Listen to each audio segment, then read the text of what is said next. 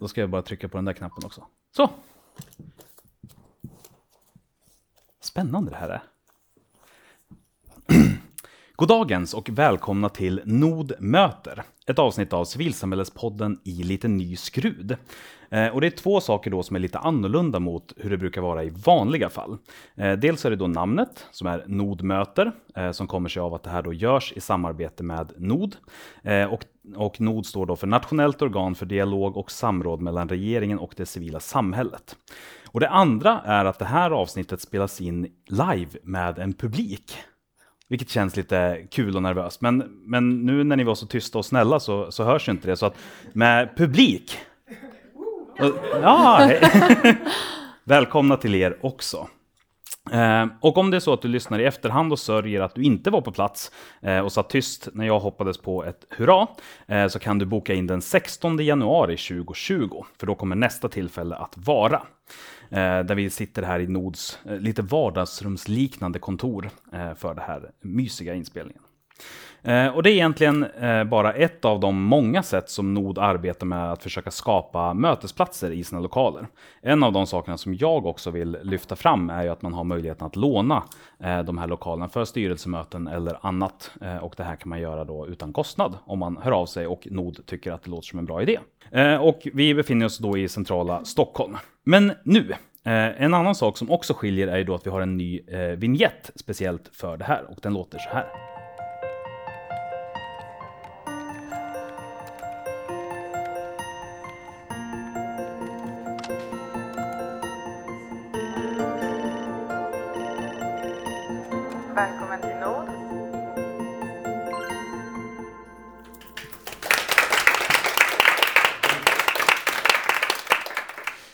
Så, och då så säger jag välkommen till Lovisa Fager Havdelin som är generalsekreterare för Teskedsorden. Välkommen! Tack, tack snälla, tack för att jag får vara här. ja, hur, hur, hur känns det att vara här nu? Så här? Det... Ja, men alltså, jag sitter ju då i styrgruppen för Nord, så ja. att, eh, det känns ganska mycket hemma att komma hit. Ja, men vad bra. Vilket är väldigt behagligt. Så att, eh, ja, jag känner mig alltid väldigt välkommen här. Det känns tryggt och bra. Ja, i vanliga fall så brukar jag säga till alla gäster att eh, om det är så att du vid något tillfälle kommer av dig så är det bara att sitta tyst eller säga nu tar vi om det här.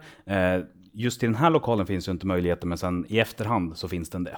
Så att skulle det vara så så kan vi åtminstone lösa det för massorna. Eh, men den första frågan är som vanligt, hur blev du en engagerad människa? Ja, eh, jag kan inte minnas någonting annat än att jag har varit engagerad. Eh, mitt engagemang började vid väldigt tidig ålder. Eh, för det första så är jag uppvuxen i en familj med eh, mycket människor. Eh, jag hade mamma som hade ett väldigt socialt arbete och jag engagerade mig ofta i de människorna som kom till oss. Eh, vid åtta års ålder så hade jag så tråkigt att jag tyckte att partipolitik var intressant. Eh, så är det ibland om man är uppvuxen i en liten ort i Sverige där det kanske inte alltid erbjuds så stort kulturutbud eller liknande. Och sedan vid ehm, 14-15 års ålder så var det en familjevän till mig som introducerade mig för Amnesty. Och eh, det öppnade upp hela civilsamhället och den ideella sektorn för mig. Så Amnesty var en eh, fantastisk ingång och en organisation som jag högaktar än idag. Det började med att sitta och skriva brev till regeringsföreträdare och att eh, engagera sig i den lokala föreningen i Helsingborg. Och sen har det liksom bara vuxit och jag tänker att engagemang kan ju vara mm, i ideella organisationer i civilsamhället men engagemang kan ju också vara i sin alldeles närmiljö. Eh, så att jag tänker att det är, det är ett brett ord det där med mm. engagemang. Mm. Men, men det känns ändå som att det finns några steg som vi hoppar över mellan Eh, att sitta och skriva lite grann på aktivistnivå eh, till vart du är idag. Tycker du? Ja. jo men absolut. Men, nej, men säg så här, så sedan studerade jag eh, statsvetenskap i Lund och från tonåren så har jag alltid engagerat mig i flertalet ideella organisationer, i människorättsorganisationer, i barnrättsorganisationer och i kvinnorättsfrågor. Och det är ju så ganska mycket fortfarande att om man inte kommer ifrån pengar eller om man inte eh, bara kan klara sig väldigt enkelt på ideellt engagemang så behöver man jobba vid sidan av och eh, studera eh, och liksom sköta det ideella engagemanget på en hobbynivå. Och det gjorde jag under väldigt, väldigt många år. Eh, vår sektor är ju också präglad av projektanställningar och timanställningar och tillfällig arbetsanhopning. Så att det var ju många år som jag hade fyra jobb för att se till att liksom tjäna upp till en heltidsanställning inom den ideella sektorn. Ehm, efter studierna så kom jag också utomlands en sväng. Jag jobbade i New York och jag jobbade i Östtimor. Och då var det lite mer riktat med biståndsfrågor och att eh, skapa arbetsmarknad i kris och konfliktsituationer. Och för nu åtta år sedan så började jag jobba för Teskedsorden där jag är idag. Ehm, men initialt faktiskt samtidigt som jag utbildade för Amnesty och sprang runt som barnrättsinformatör för Unicef. Ehm, så att det är väl lite, det är lite där. Mm. Men vad är det som har gjort att du har, vad ska man säga, fastnat här då? Eh, jag tänker om, för att eh, du målar upp ändå en bild som hoppar runt ganska mycket och gör diverse saker, men här har det lite mer rotat sig. Vad var det som gjorde att du fastnade just här? Eh, ja, men jag kan väl säga att jag har hittat hem i Teskedsorden. Att att eh, få jobba i en liten organisation eh, engagerar och motiverar mig att vara nära till beslutsfattning. Och sen är det en otroligt angelägen fråga, eller frågor som Teskedsorden arbetar med, att motverka rasism och intolerans av olika slag. Spännande. Eh, och det som, för det här liksom premiär-liveavsnittet så valde vi någonting ganska litet och nätt och enkelt att förstå. det vill säga internationella civilsamhället jämfört med Sverige. Mm. och eftersom att vi då har ett tema som är så, så litet och nätt så börjar vi med en fråga som är eh, ungefär lika enkel. Eh, och det är då, hur mår civilsamhället i världen enligt din uppfattning? Ja, tack för den frågan. Eh, men jag skulle säga att civilsamhället mår väldigt bra på ena sidan. Eh, vi ser två stora trender. Det ena är ett ökat civilengagemang, ett, eh, en ökad gräsrotsrörelse många ungdomar säger sig idag vara väldigt inspirerade av Greta Thunberg och hennes liksom, likar. Så att jag tycker att det finns liksom ökat engagemang för civilsamhället och jag kommer alldeles nyligen från ett eh, riksdagsseminarium, det är internationella funktionsrättsdagen idag. Och jag menar, lyssnar man på dem som företräder Funktionsrätt Sverige och eh, deras allierade organisationer, då blir man ju uppmuntrad över att civilsamhället är så starkt. Men sen lever vi också i ett samhälle med minskat demokratiskt utrymme på ett internationellt plan och eh, kanske även i Sverige. Vilket innebär att många människorättsaktivister lever under hot. Det är svårt att verka för de värderingar och de frågor som man är ämnad att göra eller som man har som uppdrag att göra. Så att jag tycker att det är liksom två parallella spår. Vi mår bra, det går bra, det händer mycket i gräsrotsrörelsen och sen är det populistiska politiker och eh, regeringsföreträdare som minskar det demokratiska utrymmet för aktivister att verka. Och inte bara via hot och hat utan även liksom formellt. Med, Absolut. Med införande av fängelsestraff och allt möjligt för engagemang. Ja, och det kan vara administrativa hinder som man sätter i vägen. Så att det är på många olika plan. Mm. Eh, men om vi zoomar eh, in lite grann på oss själva då. Hur skulle du säga att civilsamhället i Sverige mår exakt utöver det du redan sa? Mm. Ehm, jag eh, tänker att det finns kanske de som är ännu bättre på att svara på det. Men eh, jag skulle säga att vi lever i ett otroligt privilegierat samhälle i Sverige. Vi kan verka för de, alla de mänskliga rättigheterna och vi kan många gånger göra det utan att känna oss särskilt hotade. Det är klart att vi lever i ett samhälle med mycket näthat och hot och det, det kommer liksom mycket på köpet med arbetet idag. Men sett utifrån en internationell kontext skulle jag säga att våra problem och komplexiteten i Sverige är ganska liten och marginell. Men sen vet vi också att problem är relativa. Så det är inte att förminska människorättsaktivister och engagemanget som finns i Sverige. Men utifrån ett internationellt perspektiv så skulle jag säga att, det är, att vi har goda förutsättningar. Mm. Men, men jag tänker också att där blir det ju mycket det beror ju ofta utifrån vilken utgångspunkt man har. Alltså vilken grundförväntan man har och mm. liksom hur, hur skillnaden blir mot den grundförväntan. Att det är det mm. som avgör det. Helt klart. Och också vilka perspektiv man har. Mm. Alltså befinner man sig hela tiden i den svenska kontexten och eh, de, den tematiken och de problemen som man arbetar med så är det klart att man liksom blir uppjagad av den situationen om det är motigt. Men om man kommer ifrån lite ibland och får lite perspektiv och träffar civilsamhällesorganisationer eller människorättsaktivister i en annan kontext så är det lite lättare att sätta sin egen situation i relation till andra. Ehm, för ganska många år sedan nu så var jag på en konferens som European Network Against Racism arrangerade. Ehm, det var då i Spanien och jag jobbade ganska nära en grekisk kollega hon hade inte fått lön på sex månader på grund av krisen i Grekland. Eh, och då är det väldigt svårt att fortsätta att fullfölja sitt uppdrag om det inte är så att man har något ekonom annat ekonomiskt stöd. Ehm, det, så vitt jag vet, har inte skett i den kontexta, svenska kontexten. Nej, inte på det sättet. Nej. Um, finns det några andra saker om du jämför Sverige och världen som du liksom tänker på eller slås av? Som kanske, jag tänker speciellt utifrån det perspektivskillnaden då. Eh, att det som vi tar för givet här som, som kanske inte går att ta för givet på andra ställen eller liknande.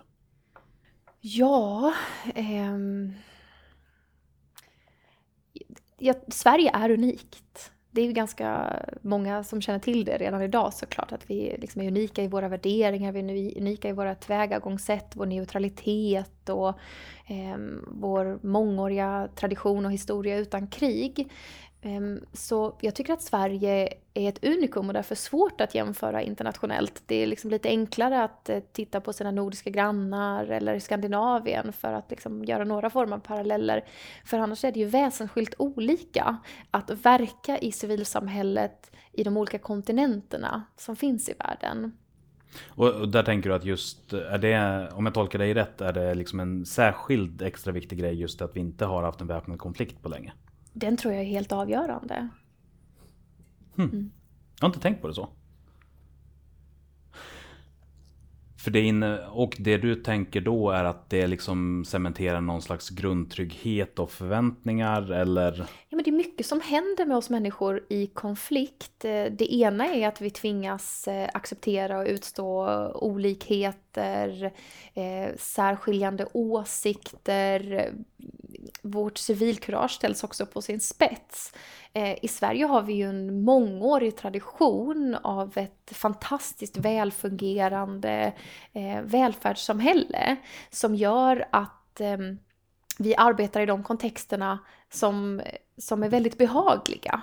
Det är väldigt sällan som eh, vi, som vi nu ser på senaste år, att vi har fått jobba väldigt mycket mer med att titta på var staten fallerar i sitt sätt att upprätthålla mänskliga rättigheter. Medan det är mycket, mycket mer ett normaltillstånd i många andra delar av världen. Men också då lite grann att kostnaden att engagera sig är mindre. Alltså kostnaden alltså den, är mycket mindre. Den tar tiden men, men den är inte lika riskfylld. Nej. Eh, mer än den förändring och glidning som vi nu har sett då mm. de senaste åren. Men, men generellt sett. Mm, absolut. Mm.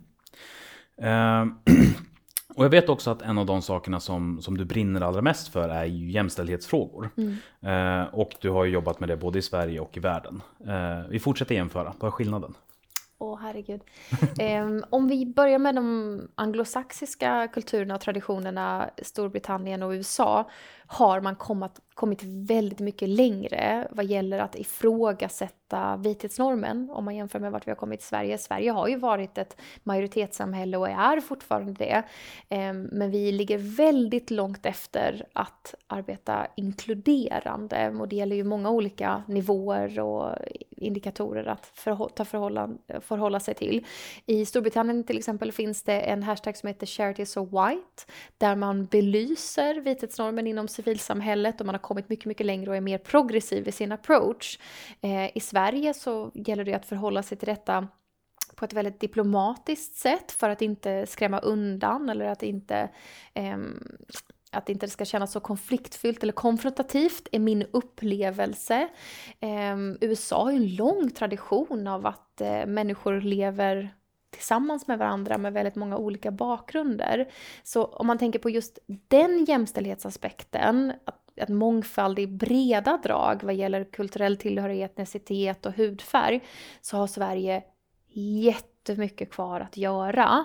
Ehm, men sen har ju vi kommit väldigt långt vad gäller jämställdhet mellan kvinnor och män utifrån ett internationellt perspektiv och det är ju såklart rådande även i civilsamhället. Civilsamhället är en av de få sektorer i Sverige där man har mycket kvinnor som arbetskraft men där också många kvinnor är på ledande positioner.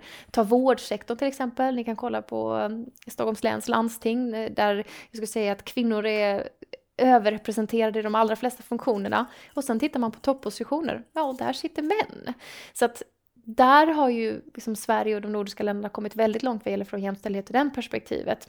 Och även om man då skulle ta det steget, eh, det som är liksom nästa steg med köns, eh, köns Överskridande identiteter, ja. Eh, och liknande. Där jag upplever att eh, civilsamhället just kanske är lite mer föregångare än resten av landet. Mm. Och jag tänker att det är ju det som är civilsamhällets roll. Man, mm. Eh, man upplever att det finns eh, en lucka någonstans eller man ser ett problem och så agerar man för en politisk förändring och sen är det upp till de politiska företrädarna och rättssystemet att eh, upprätthålla det som civilsamhället har varit med och drivit fram.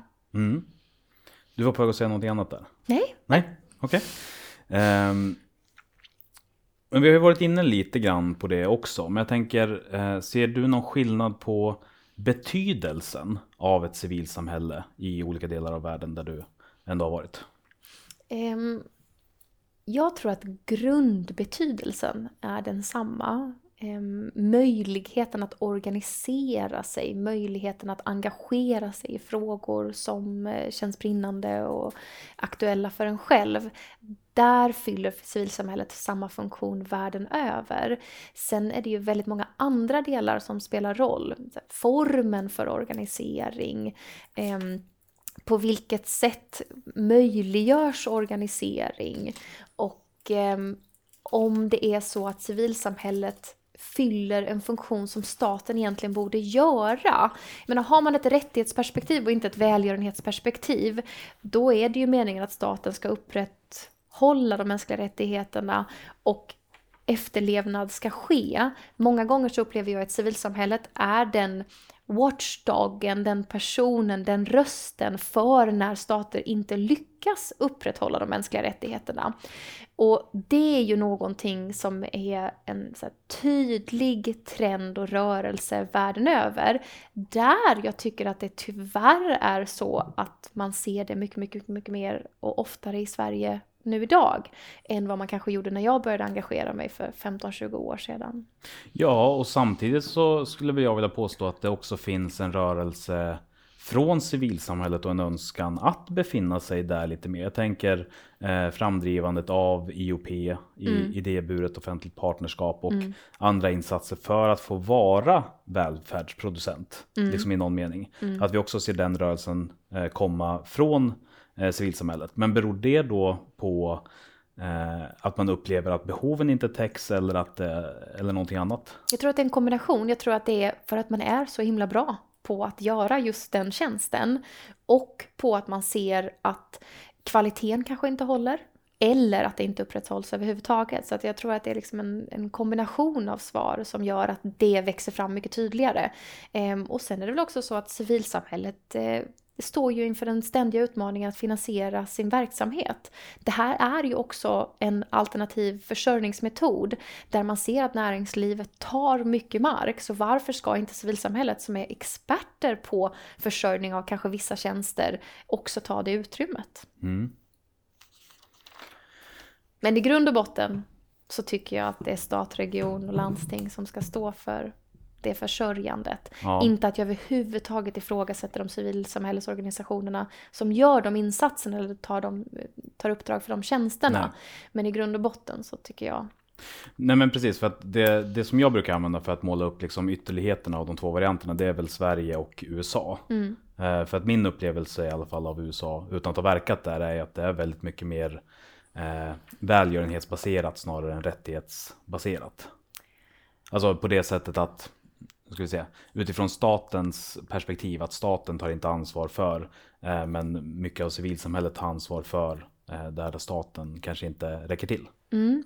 Jag håller med om det, men sen så tänker jag också att det som är en stor skillnad är ju filantropin. Mm. Filantropin har ju inte riktigt slagit rot i Sverige. Alltså det kanske är på gång och det finns absolut en del eh, filantroper som, eh, som gör sig synliga idag, men inte alls i den utsträckning som man ser i en internationell kontext. Och där USA är ju filantropernas land mm. på det sättet. Att det är inte bara civilsamhällesorganisationer utan det är också enskilda företrädare som tar ansvar för att upprätthålla mänskliga rättigheter och, och liksom jobba i en sån anda. Och då kanske det får en sån här välgörenhetstouch men det kanske faktiskt också är rättigheter det handlar om. Just det.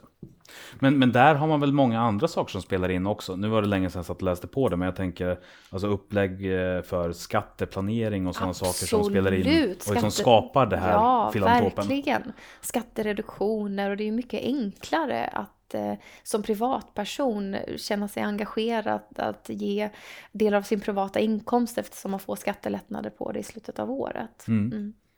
Är det någonting som vi borde ha här också då?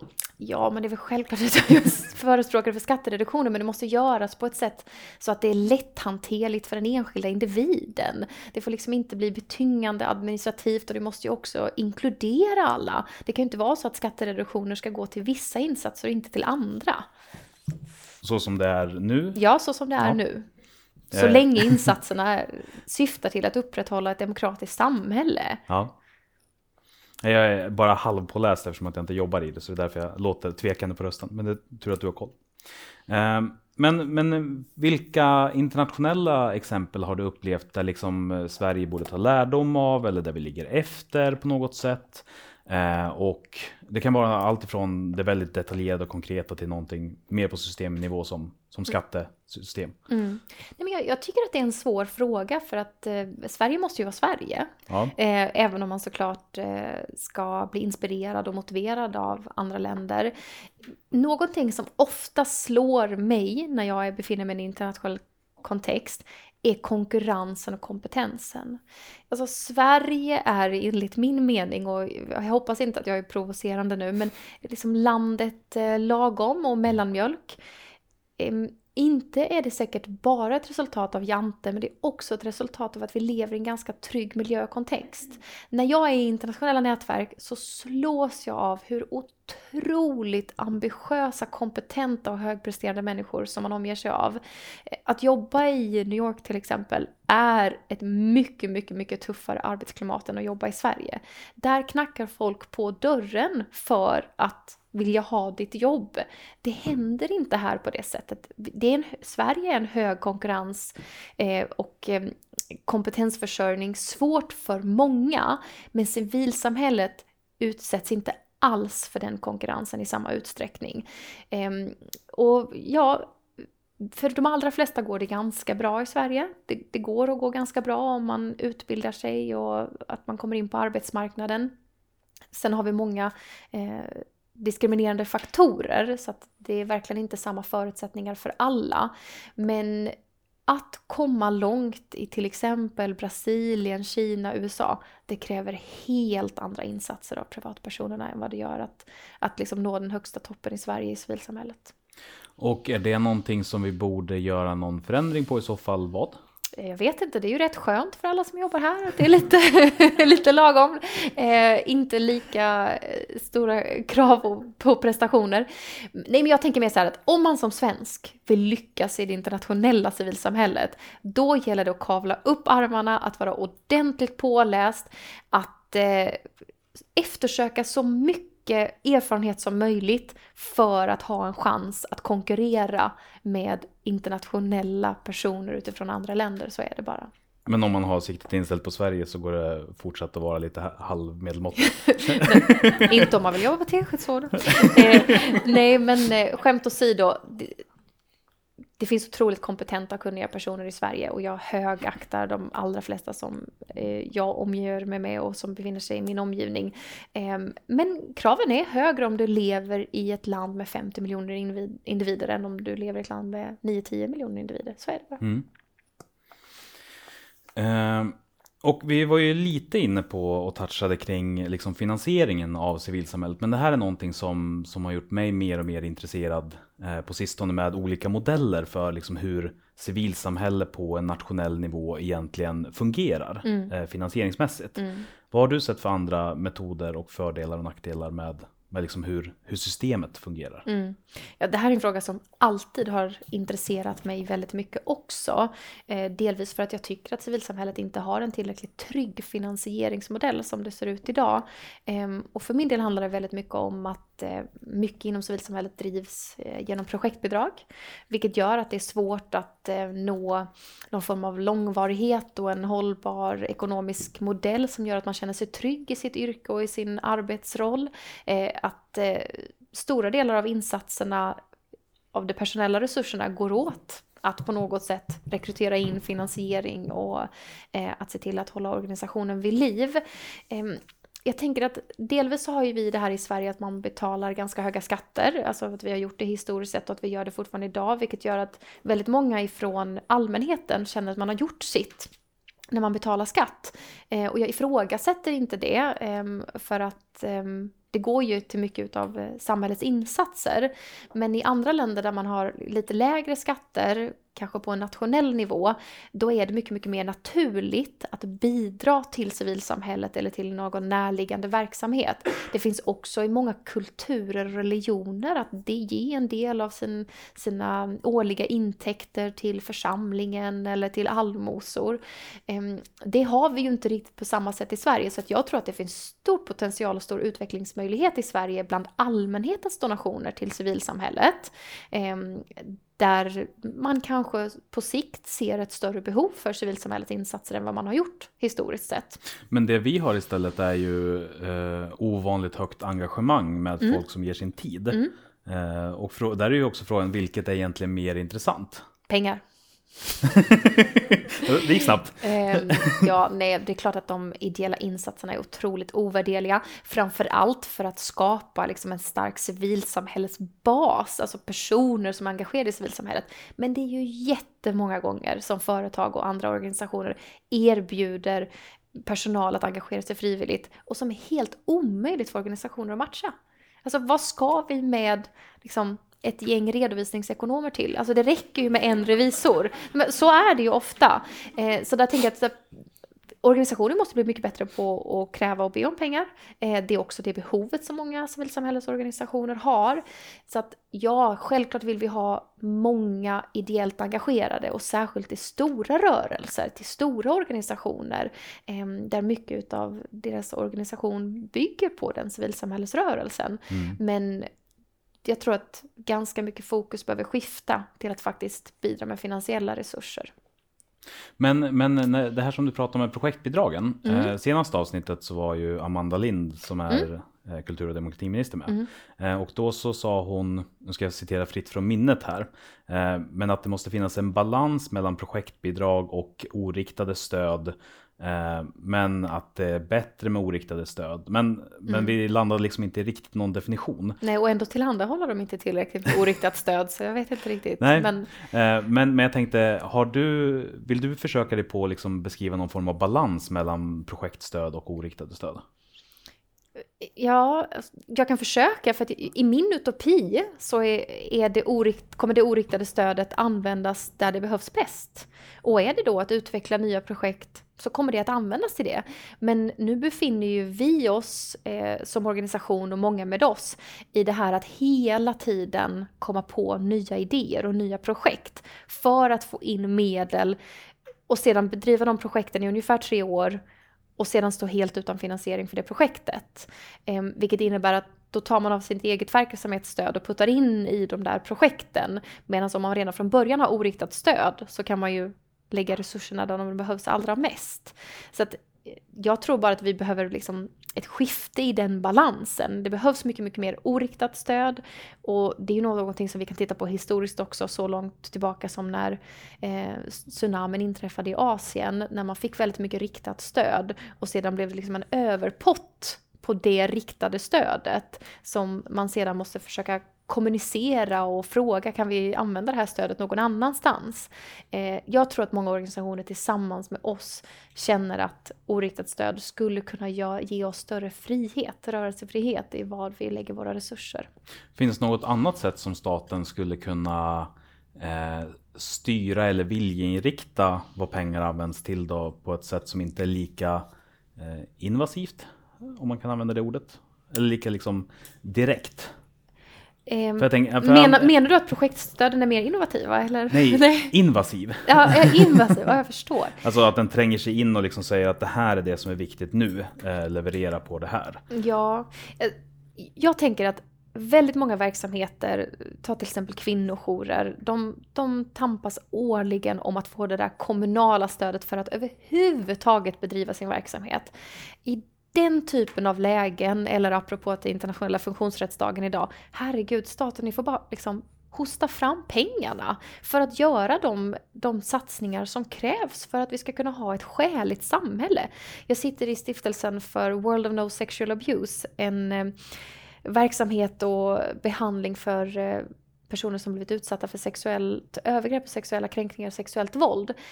Vi kan inte med den verksamheten ens hålla igång en klinik i en någorlunda omfattning av vad behovet som är.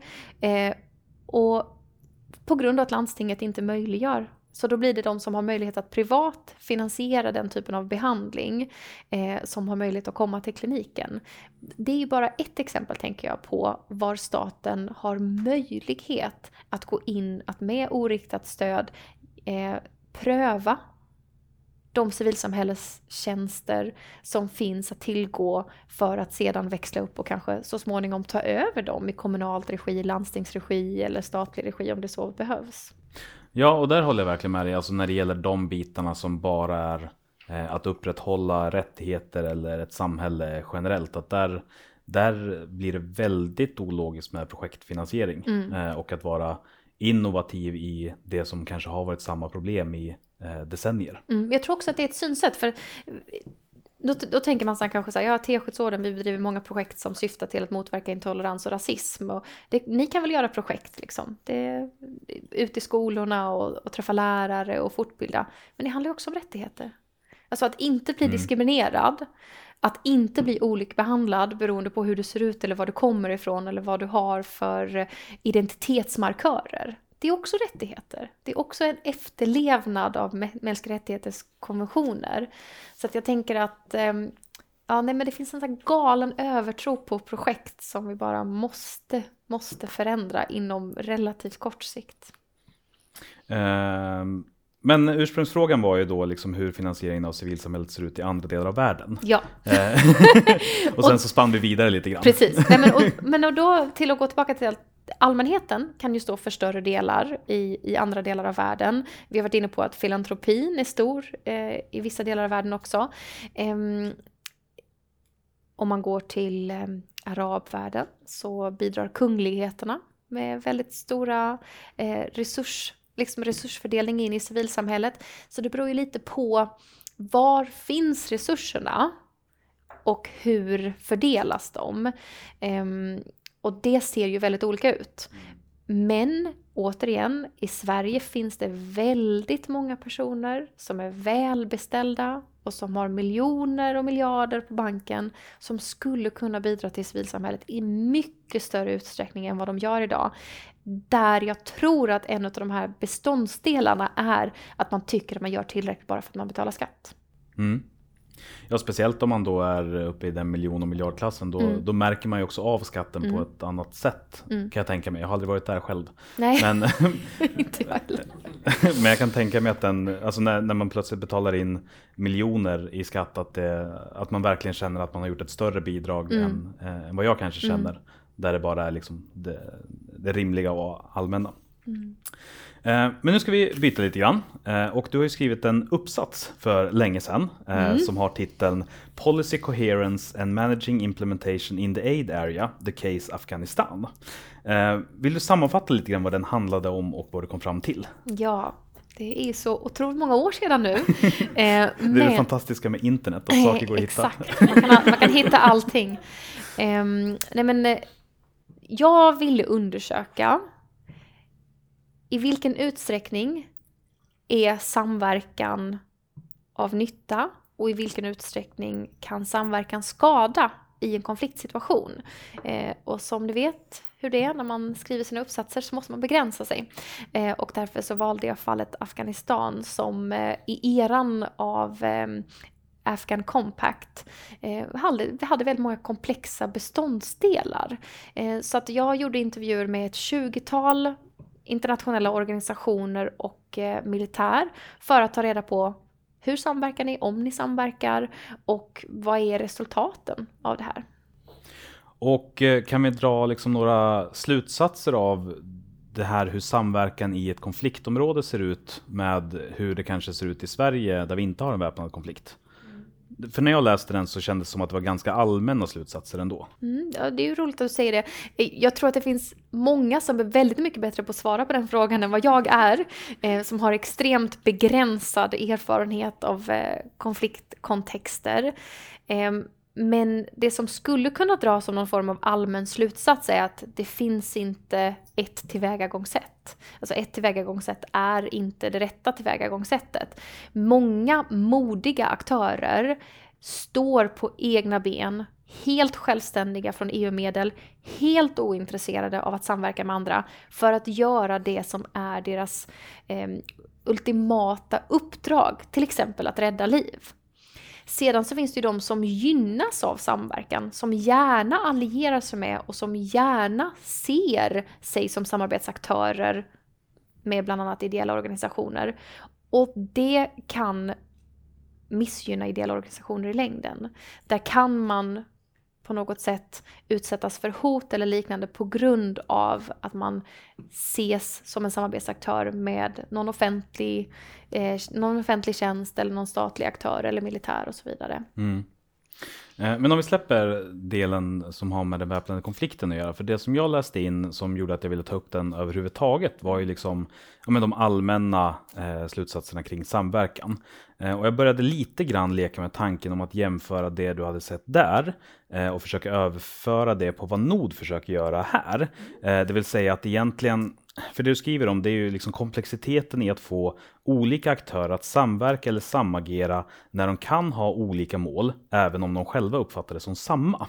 Eh, och att det fanns liksom då vissa frågetecken kring huruvida de systemen som byggdes upp för att försöka förbättra resultaten genom koordinering faktiskt gjorde det, eller om det var så att det blev liksom ett hinder i utförandet av uppdraget.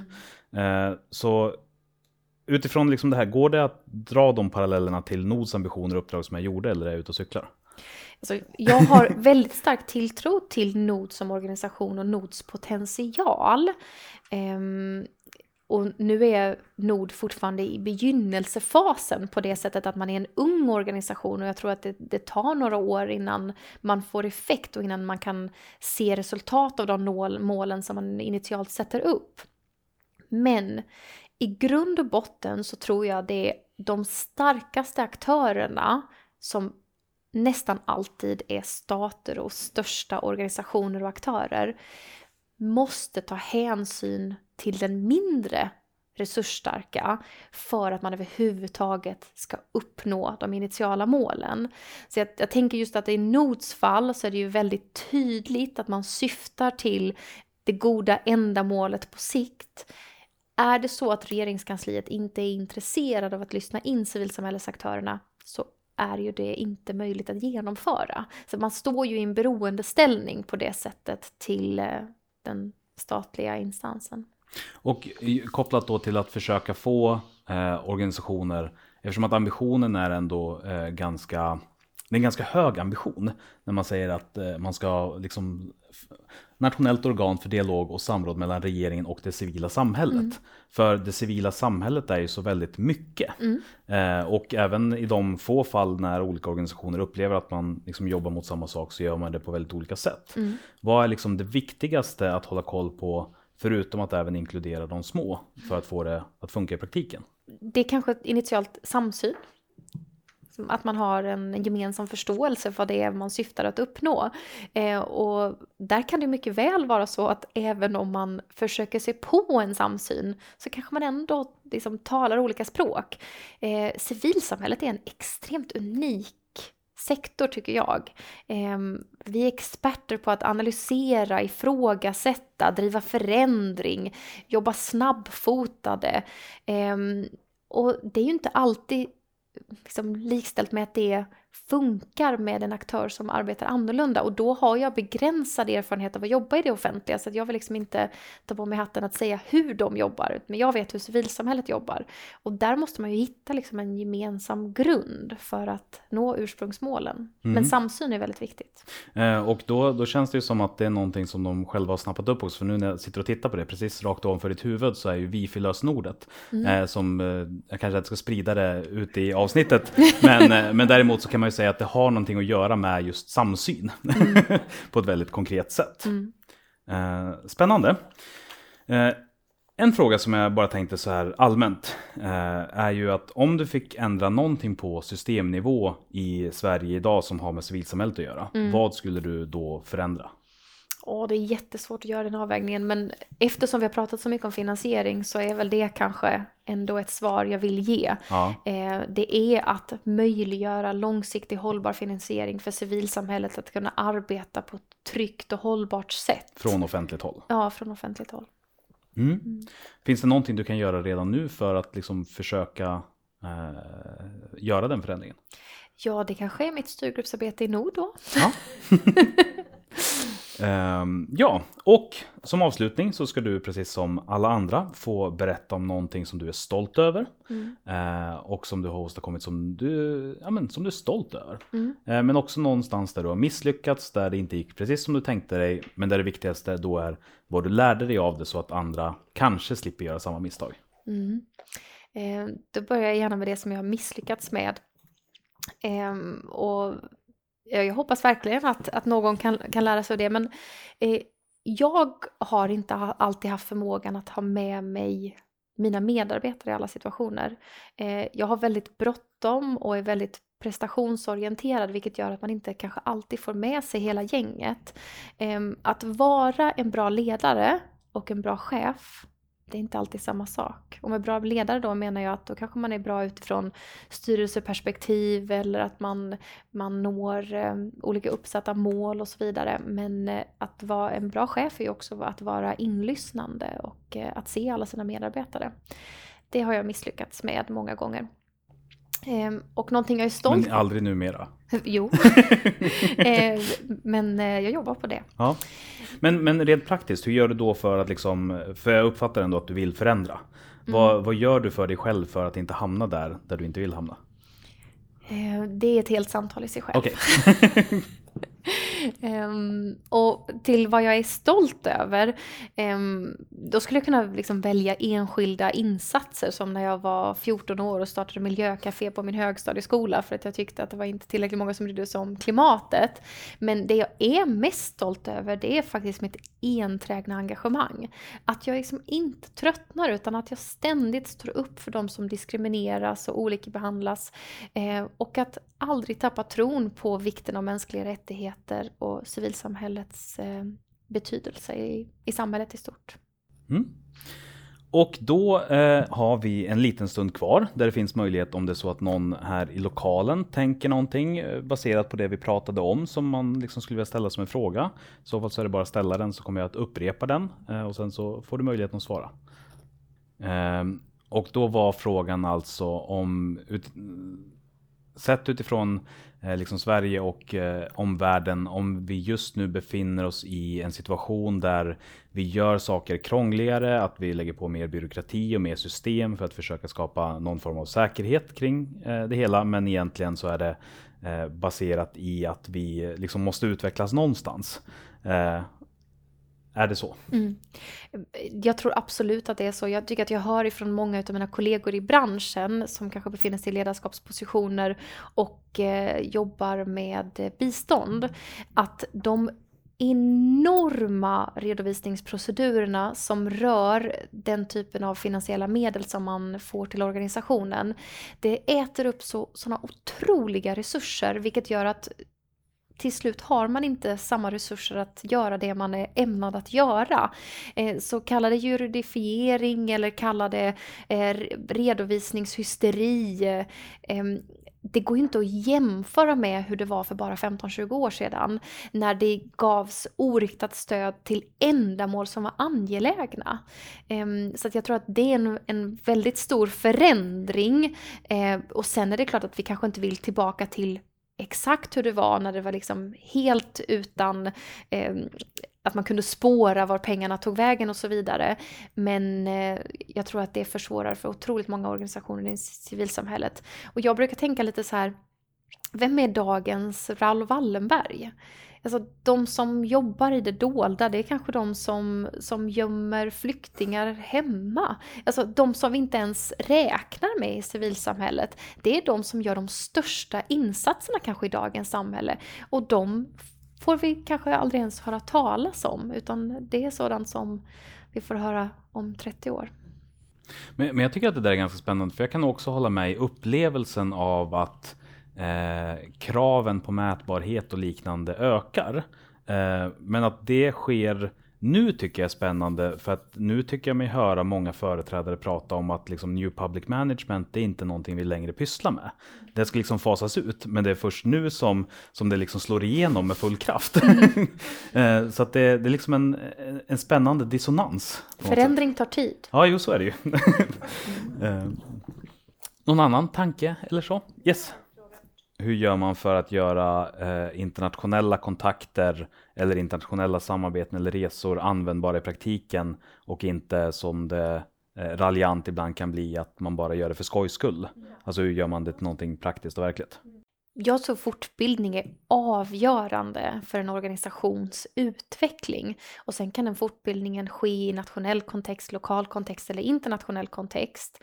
Um, så till att börja med så tror jag man liksom måste bestämma sig för att det här är avgörande för vår organisations utveckling, för våra medarbetares utveckling.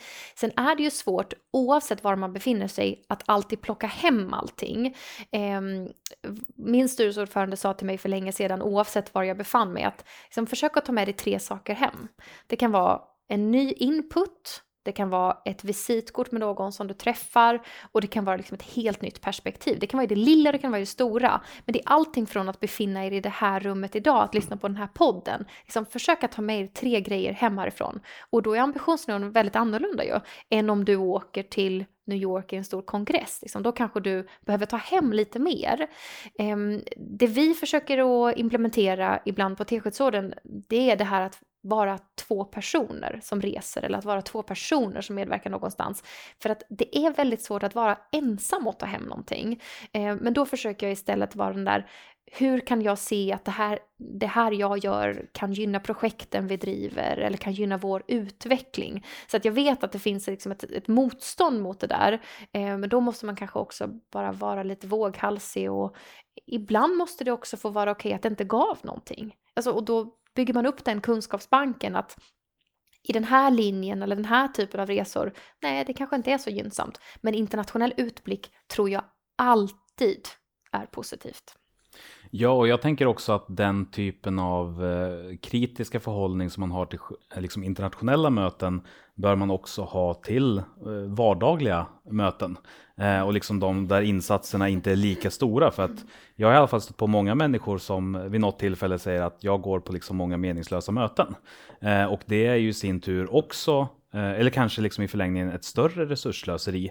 Men bara det att det sker liksom så lite i taget att man inte riktigt märker av det. Mm. Så att verkligen det du sa, fast i alla lägen. Mm. Ja, då så kanske vi känner oss färdiga idag och jag får tacka dig så jättemycket Lovisa. Tack själv för att jag fick vara här. Ja, då är vi färdiga.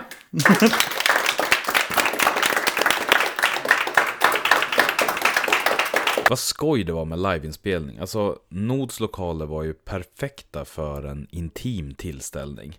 Eh, men mest så gillade jag nog spontant faktiskt stunden efter eh, själva inspelningen när ganska många hängde kvar och fastnade i diskussioner om civilsamhället åt chips. Eh, själv så deltog jag i ett par samtal om det, såväl det som jag liksom Lovisa hade pratat om men också en del annat. Det känns som att rummet blev väldigt inställt på diskussioner om Alltså det övergripande och det stora på ett väldigt bra sätt. Eh, jag längtar redan efter den 16 januari när nästa tillfälle är. Eh, sen så tycker jag också att det är kul att testa ljudkunskaperna i en helt ny typ av situation. För den utrustning som jag använder nu har jag ju fått hjälp att plocka ihop av min vän Niklas, men nu får jag liksom lära mig den på egen hand. Plus att det alltid är lite knepigt med mickar, eh, samtidigt som det är högtalare och ja, men lite så här knep och knåp. Eh, någonstans här i inspelningen fick jag också någon mystisk surr. Jag fick bort det mesta av det, men jag märkte inte när det kom in på plats. Så att det ska jag undersöka till nästa gång. Det är liksom eh, en studiecirkel för mig själv. Vilket då inte blir en studiecirkel eftersom jag saknar hela den resonerande biten. Men eh, jag har en lärandeprocess i alla fall. Eh, och så märkte jag också att jag klippte applåderna på slutet lite väl tvärt kanske. Men jag lär mig allt eftersom. En annan kul sak är att redaktionsrådet nu är på gång. Eh, dels var det några som hörde av sig efter eh, avsnitten, men jag la också ut en sån här jobbplatsgrej på Facebook och fick massor med respons. Jag har inte hunnit samla gruppen ännu, men har i enskilda samtal fått fram saker som kommer göra ganska stor skillnad framöver. Eh, om du vill haka på och bidra till podden på något sätt så hör av dig så hörs vi igen om två veckor.